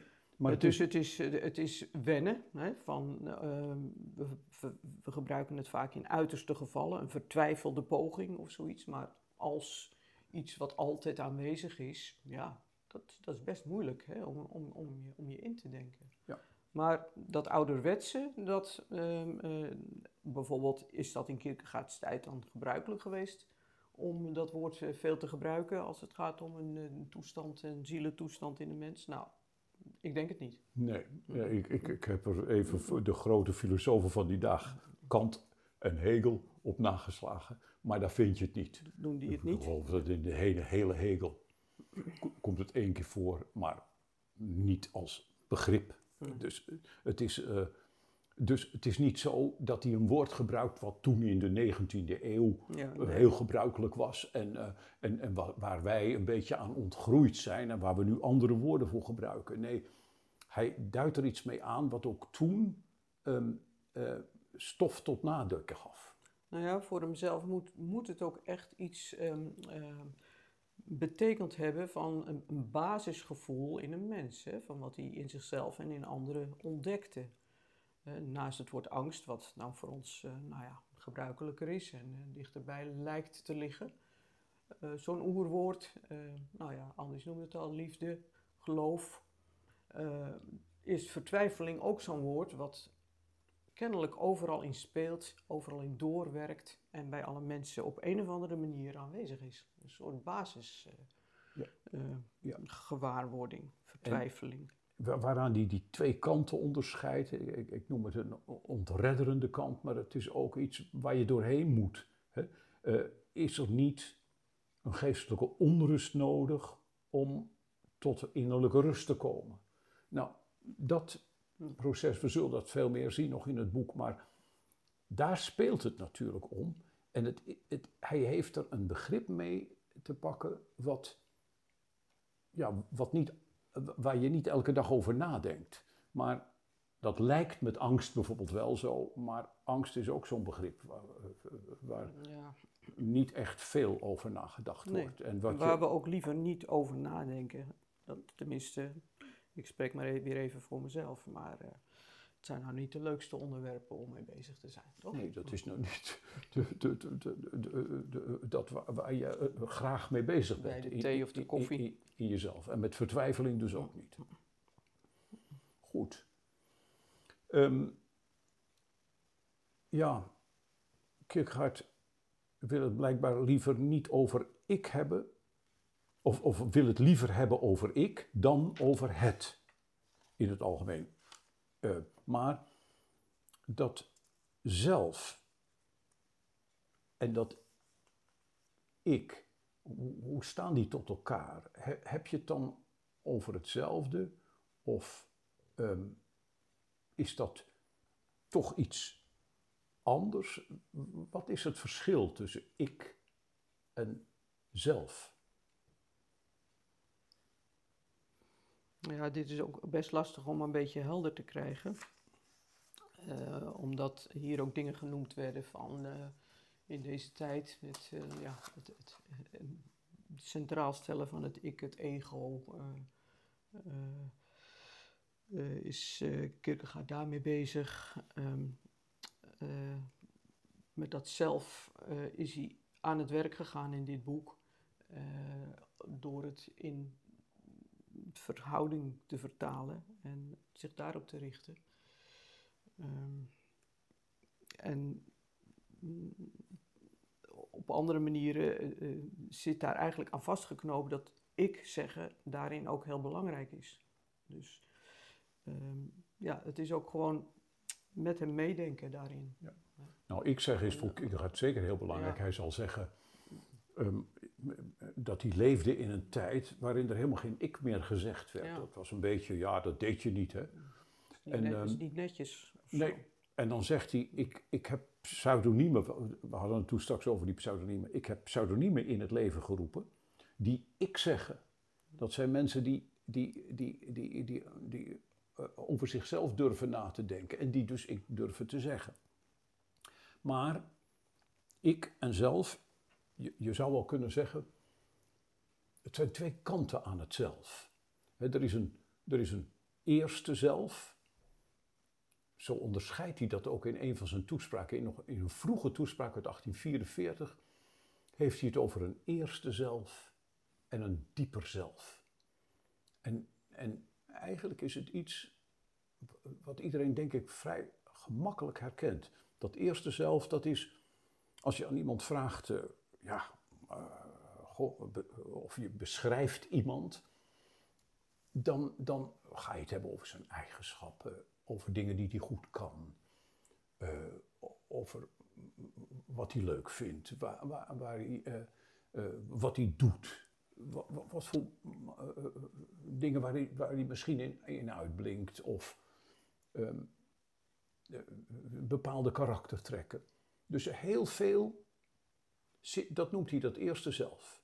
Dat is waar je ook, eh, ja, als je werk gaat doen, als je een beroep zoekt, dan is het natuurlijk verstandig om iets te zoeken waar je talent voor hebt. Nou, dat is allemaal het eerste zelf, zegt hij.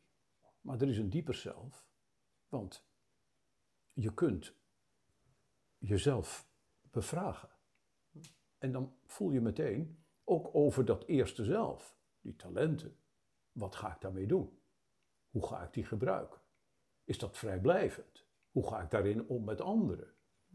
Dat zijn meteen de vragen die in dat boek Onverdeeld één ding te willen, die hij heel persoonlijk aan de mensen stelt. Dus meteen vragen waarmee hij van dat eerste zelf, wat voortdurend in relatie tot de buitenwereld staat en in relatie tot anderen, gaat hij naar dat diepere zelf, waarin je jezelf bevraagt. En wat dus, ja, ja dat, dat zou ik bij ik en zelf, zeg ik, dan voel je Het iets zelf van- zit veel meer aan vast van eh, dat innerlijke werk. Ja. Dat, eh, dat, Ja. eh, Ja, dat ja. veel meer van dat innerlijke werk aan Ja. vast.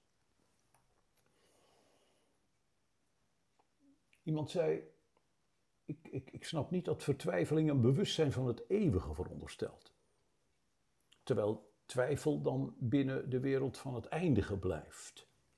Wa- wa- Waar zit hem dat, waar zit hem dat in? En wat, wat speelt dat woord ergernis daarbij, daar ook nog een rol? Ehm,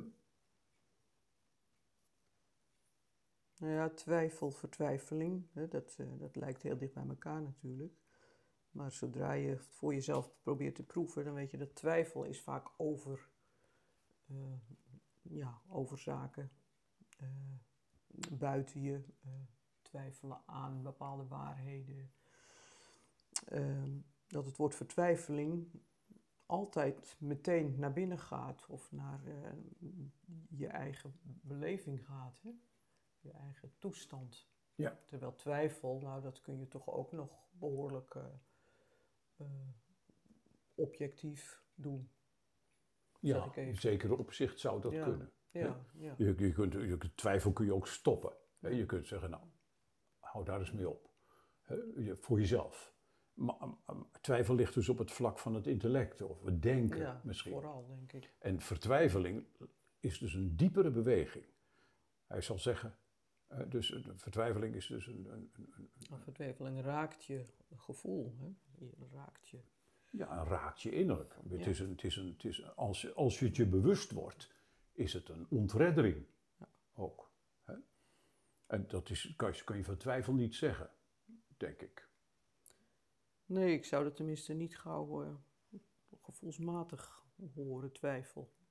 Kan er wel dus aan, er kan wel wat uit voortkomen, maar als op zich is twijfel toch een sterk intellectueel. Ja. Ja. Ehm, en wanneer eh, hoor je het woord ergernis om de, om de hoek komen? Nou, bijvoorbeeld, daar komen we natuurlijk op in het boek, als hij zegt, vertwijfeld jezelf willen zijn, maar ook vertwijfeld niet jezelf willen zijn. Je hoort in die twee bewegingen een, een bepaalde verzet bepaald verzet. Een bepa- eh, eh, die, Kierkegaard noemt die laatste vorm van vertwijfeling, vertwijfeld jezelf willen zijn, ook wel onverzettelijkheid, een bepaald koppigheid. Ja, dus ook weer behoorlijk innerlijk eh, proces hè? Ja. van eh, Ja. verzet, ergernis. eh, er is iets wat jou raakt en ja. waar je je tegen verzet. Maar goed, het is duidelijk dat dit natuurlijk in het boek Ja, dit komt allemaal nog diepgaand aan de orde komt. Maar Zeker. iets van dat, in die woorden hoor je, in dat woord willen hè, en niet willen, hoor je iets van verzet en ergernis. Ehm, dan is er die vraag over, eh, ehm, angst is het duizelen van de vrijheid. Tja. Eh, leidt een mens van tegenwoordig nog wel aan duizeligheid? Misschien is dat ook vaker in de 19e eeuw als een eh, typisch vrouwelijke aandoening. Zie iemand net als hysterie en flauwtes. Nou, zeg het maar. Eh, nou ja, duizeligheid is, is, eh, het is- dat is vaak zo met dit soort woorden. Je moet e- vooral teruggaan naar die allereerste betekenis van zo'n woord. Duizeligheid. Wanneer word je duizelig? Ehm, ja, als, eh, als, er heel, als de ruimte je overweldigt. Als, je, als de ruimte zo groot of zo wijd of zo eh, eh, boven je vermogen gaat, nou, dat, je, dat je niet aan kunt. Dus dat je gewoon draaierig wordt. Eh, met hoogtevrees is dat natuurlijk heel duidelijk. Maar ook ja, met die vrijheid, hè, dat is eigenlijk zo, ehm, eh, zo ruim en zo groot voor een mens, eh, ja, dat, dat je dat eigenlijk niet aan kan. Dus dat je, dat je daar duizelig van wordt. En, ehm, en dat is best leuk, vind ik, dat Kierkegaard daar eh, het licht op heeft laten vallen. Omdat dat, nou ja, iets is wat zich kennelijk in de mens afspeelt en wat ook wel wat op gang brengt, die duizeligheid. Want nou, dat, ligt heel dichtbij, ook bij paniek, bij angst natuurlijk, duizeligheid. Je het gevoel dat je omvalt, eh, dat, eh, dat, is, dat is spannend. Eh, dus iets duidt hij daarmee aan. Van, Van- nou ja, van, Ja, jij, je spreekt over die vrijheid. Dus als vrijheid is, een- is een ruimte, maar die ruimte kan ook zo groot zijn dat je, kan een mens dat wel aan? dat je ja, kan je dat wel aan. Ja, Dus, Vrijheid. die, die, die, dan kan je de vrijheid wel aan. Nou, dat is, dat is ook weer zo'n ontwikkeling. Dat is ook een geestelijke ontwikkeling in een mens. Om dat aan... Ja, en wat is vrijheid? Hè? Dat is al nou, Precies. kennelijk duizelingwekkend. Ja, nou en over dat duizelingwekkende heeft hij een hele lange excurs geschreven, eerst voor het boek. en die heeft hij tenslotte toch niet in het boek opgenomen, maar we hebben hem wel vertaald. En die vind je in noot 26 op bladzijde 130 tot 132. Dus wil je duizelig worden, lees die noot, zou ik zeggen. Ja, dan kun je duizelig worden. Goed. Een, ehm, wij halen dat probleem van de angst erbij. Sommigen zeggen dat heeft me heel, heel erg geholpen om. om, om, om eh, eh, eh, maar veronderstelde de schrijver van De ziekte tot de dood nou dat de lezer kennis had van het boek Het begrip angst? Nou, dat weet ik eigenlijk wel zeker. Ja, Kijk, dat boek was hij ging er altijd vanuit dat je zijn vorige boek goed gelezen had. Ja, maar hij kon sneller schrijven dan de meeste mensen konden lezen. Dus het, het, was, het was wel eens moeilijk. Maar hij ging ervan uit dat je dat gelezen had. En het boek was ook, uh, Begrip Angst is van 1844. En dit is van 1849, vijf jaar later. En hij gaat er echt vanuit dat, dat je dat gelezen hebt. Ik zei ook uh, bijvoorbeeld over uh, lichaam en ziel en over tijdelijk eeuwig. Schrijft hij uitgebreid in het begrip angst en nauwelijks in dit boek. Dus um, ja, hij ging ervan uit dat dat gelezen was. En uh, dat is dan ook meteen niet zo makkelijk natuurlijk. Maar uh, kijk, dit, dat psychologische, dat is ook zijn eigen ontwikkeling. Hij zegt ook, ik heb dit geschreven om mijn eigen schema op orde te hebben. Het is natuurlijk ook zijn eigen ontwikkeling. Angst is hij over gaan nadenken omdat hij dat een belangrijk vraagstuk vond met het oog op. Ja, maar het is nu natuurlijk niet zo dat hij... Uh, nou, uh, eerst heeft hij zich in angst verdiept en daar een boek over geschreven en vervolgens in vertwijfeling. Ik bedoel, die twee die hangen zo nauw samen. En het boek Angst, dat is, uh, nou, als het nou om algebra gaat, echt moeilijk. Uh, vergeleken bij dit vind ik dat, denk ik van, nou is dit niet een makkie, maar dat is toch... Dus kennelijk zijn dat voor hem ook zulke diepgaande en ingrijpende processen geweest om, nou ja, om toch te proberen om dit soort diepe lagen in een mens onder woorden te brengen. Wat hem denk ik ja, toch behoorlijk goed gelukt is, maar het vraagt heel veel. En uh, dat de twee heel veel met elkaar te maken hebben, dat is, dat is echt duidelijk. Hè, die angst en die vertwijfeling. Ja. Dus maar, je hebt in, in dat opzicht zou je beide boeken wel nodig hebben, maar nou ja, de mens, uh, het leven is kort. Dus ja. En er, komt meteen bij deze vraag, als ook zeggen van ja, maar hij komt dus in beide boeken op dat begrip zonde. En eh, ja, vindt, vindt hij dat nou zo belangrijk dan? Dat, eh, Ja, dat is me nogal een onderwerp, hè? Eh, zonde. Maar goed, laten we zeggen, daar komen we nog op. Ja, nou ja, er valt dit in ieder geval van te zeggen. Dat al in het begrip angst, dat begrip, hij heeft, is over de angst gaan nadenken, juist vanuit dat, dat er nogal moralistisch over het menselijke kwaad Ja. werd gesproken. Vaak. Ook binnen het christendom, de christenheid van zijn tijd, werd er nogal moralistisch over het kwaad en de zonde gesproken. Nou, het, is- het is een onderwerp waar, waar het moeilijk is om op een goede manier over te praten. Eh, dat, dat is nog altijd zo, naar mijn idee. Ja. Een taboe onderwerp. eh, we- terwijl ja, het vol is om je heen en eh, in, in jezelf van dingen ja, die niet goed gaan. Die je dan met kwaad of niet goed zou benoemen. En En dingen die je niet goed doet. En voor hem is het juist zo dat hij, hij gaat op zoek naar een begrip als angst. Hij zegt al in een vroege aantekening al, wat we nodig hebben is niet een dogmatisch onderzoek naar de zonde, maar dat is een psychologisch onderzoek. Want Wat gebeurt er in een mens? wat gebeurt er in een mens als het niet goed gaat? Ja. Wat is er dan aan de hand? En zo komt hij op een begrip als angst. En vertwijfeling heeft er natuurlijk ook mee te maken, want, nou, maar de- voor de rest moeten we het natuurlijk in het boek vanzelf tegenkomen. En dan is bijvoorbeeld een heel belangrijk punt bij hem is al, mensen denken zo gauw bij, als tegenstelling, eh, zonde, deugd. Hè, dat is als het nou maar goed deugdzaam. Nee, zegt hij, de tegenstelling is zonde, geloof, maar dan vertrouwen. Dus alles wat niet uit vertrouwen is, dan gaat er iets mis. Er zijn, hij, hij tekent dus hele andere tegenstellingen, niet moralistische tegenstellingen. Oké. Een psychologische verklaring moet in haar elastische dubbelzinnigheid volharden, waaruit dan de schuld in de kwalitatieve sprong naar voren komt. Nou, dat is zo'n zin. Wat moet ik me daar nou bij denken? Eh, kun, kunnen jullie dat, dat, dat, uitleggen? Nou, ik niet. Nou, kijk, ik, wil in ieder geval dit van zeggen, dan moet jij er maar op reageren. Het ontstaan van de zonde. Kijk, daar kan de psychologie en ook de rechtspraak zich mee bezighouden. Die kan daarover nadenken van wat is er in deze persoon gebeurd. En die persoon kan er zelf ook over nadenken. Waar heeft het mee te maken? Je kunt het in kaart brengen. Hè? Ja, maar wa- wat, wat een goede rechter ook doet. Die zal van een beklaagde toch Zo goed mogelijk. zoeken naar de, de sporen van wat is hier gebeurd in het leven van deze mens. Ehm, nou, vandaar een begrip als angst.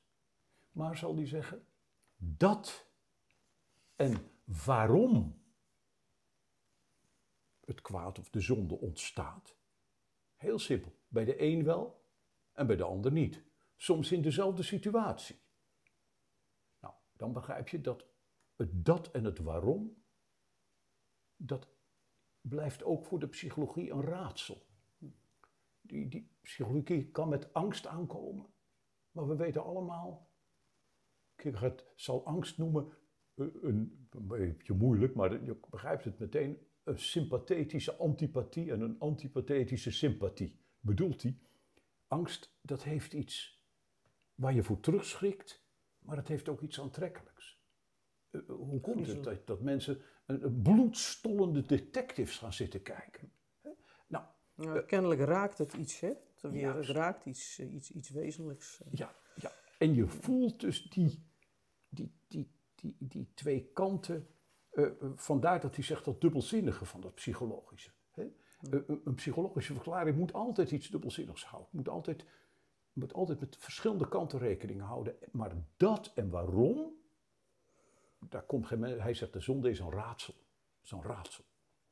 Dus die overgang van eh, onschuld naar schuld, die blijft heel erg raadselachtig.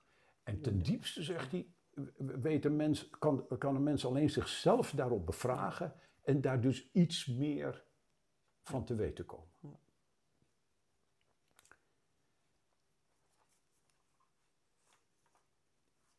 Over Socrates. Even. Ehm, hij is natuurlijk vanaf zijn jonge jaren schrijft hij geboeid door die figuur Socrates. Dat is dus al voordat hij Plato las, maar dat hij alles wat hij hoorde. En hij vergelijkt zichzelf met die jonge Alcibiades, dat was een leerling van, van Socrates, die dus ja, zijn hart klopte als, hij, als hij hem hoorde spreken. Nou, Kierkegaard is zeer onder de indruk van Socrates. Uh, maar zou dat ook iets te, heeft dat ook iets te maken, vraagt iemand, met, uh, met, met een overeenkomst tussen Socrates en Jezus?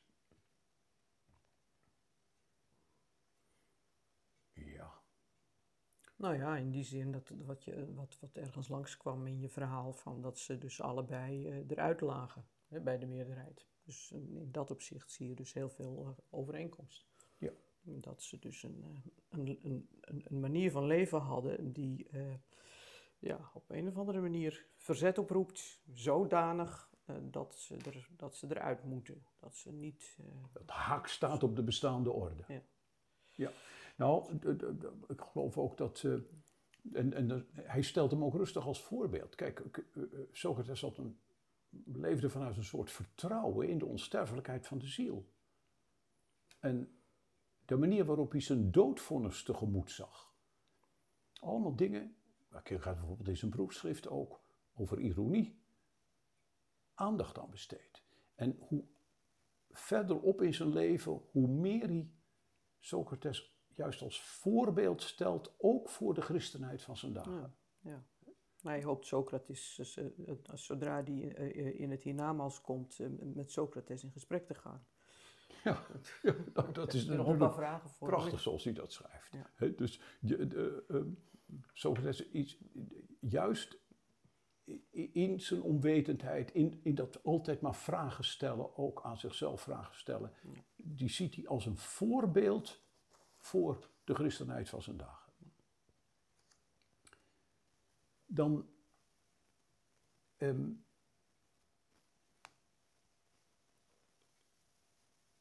iemand schreef het beeld dat ik heb van Kierkegaards omgang met zijn literaire bronnen, is dat zijn aandacht getrokken is door de personen die daarin een rol spelen. Die ziet hij als mensen van vlees en bloed, in wie je je desgewenst kunt verplaatsen. De Bijbel, Shakespeare, Plato, Um, klopt dat?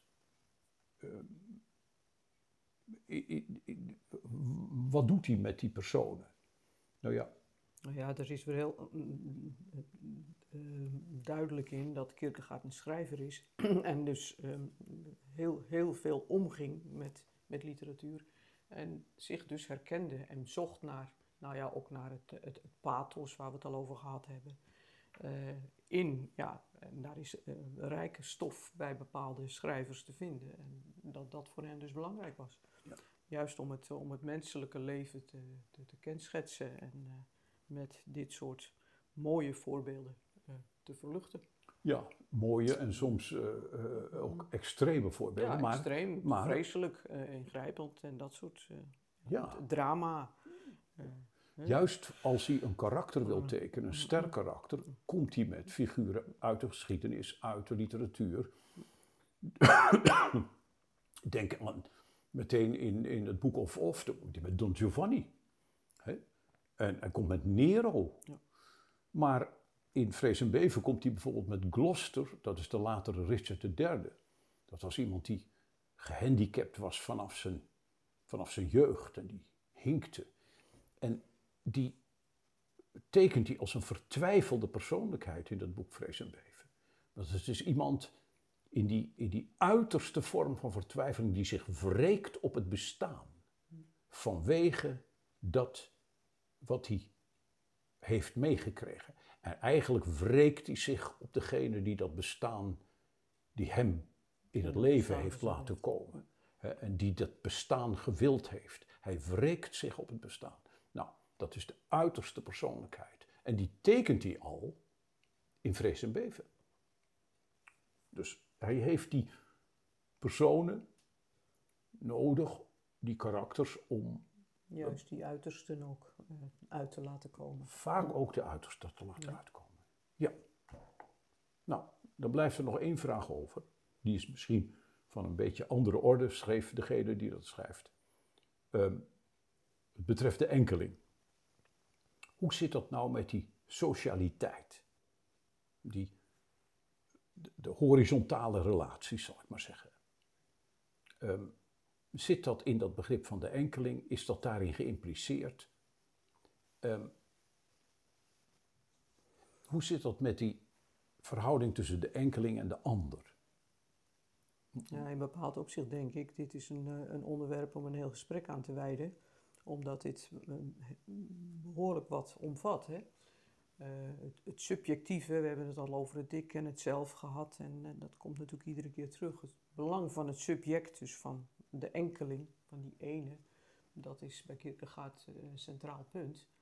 Maar uh, we hebben ook al de boeken, het boek Wat de Liefde Doet genoemd. Um, daar gaat het ook over die ene die lief moet hebben. En dan blijkt dat in, in, de, in het realiseren van de mens als die ene het daarom draait, om wat je doet. En dus om wat je ten goede doet uiteindelijk zodat werkelijk op jezelf komen, tot jezelf komen, betekent werkelijk sociaal worden. Want dan ga je pas leren wat het betekent om jezelf te verloochenen bijvoorbeeld. Of wat Socrates of bij Jezus zien, uh, jezelf uh, weg te cijferen. Of het belang van de ander werkelijk op het oog te hebben.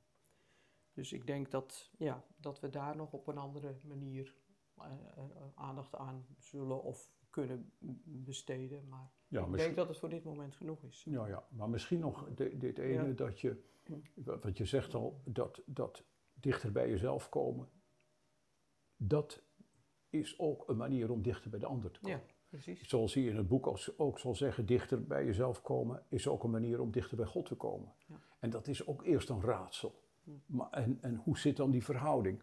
Ik heb en dat is dan meteen weer het laatste. Ik heb de laatste twee hoofdstukken van uh, de mensensgeest aan dat thema besteed.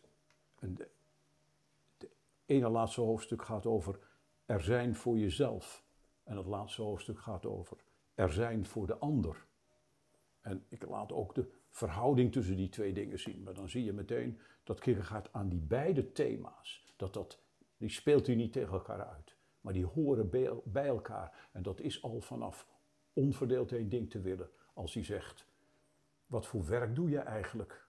En hoe doe je dat werk? Zijn voor jou de middelen net zo belangrijk als het doel? En dan zegt hij, en hoe is in dat werk je relatie tot een ander? Dus voortdurend speelt die vraag. Meer dan vaak voorgesteld wordt in ieder geval. Veel vaker dan En grondiger. Ja. Want juist door die nadruk op de enkeling vergeet men dat hij die enkeling voortdurend in relatie tot de ander zet. En zeker in dat boek Wat de Liefde doet. Ja, ik denk dat we hiermee uh, ons gesprek beëindigen. Met dit, uh, deze mooie gedachte. Uh, en ja, wordt vervolgd. Wordt vervolgd. Natuurlijk, de volgende keer beginnen we met de tekst van Kierkegaard zelf. Uh, het eerste portie, ongeveer 20 bladzijden. En uh, ik zou zeggen, veel plezier bij het lezen. Ja, en nogmaals bedankt voor alle aangedragen stof. En we horen, krijgen graag weer vragen toegezonden.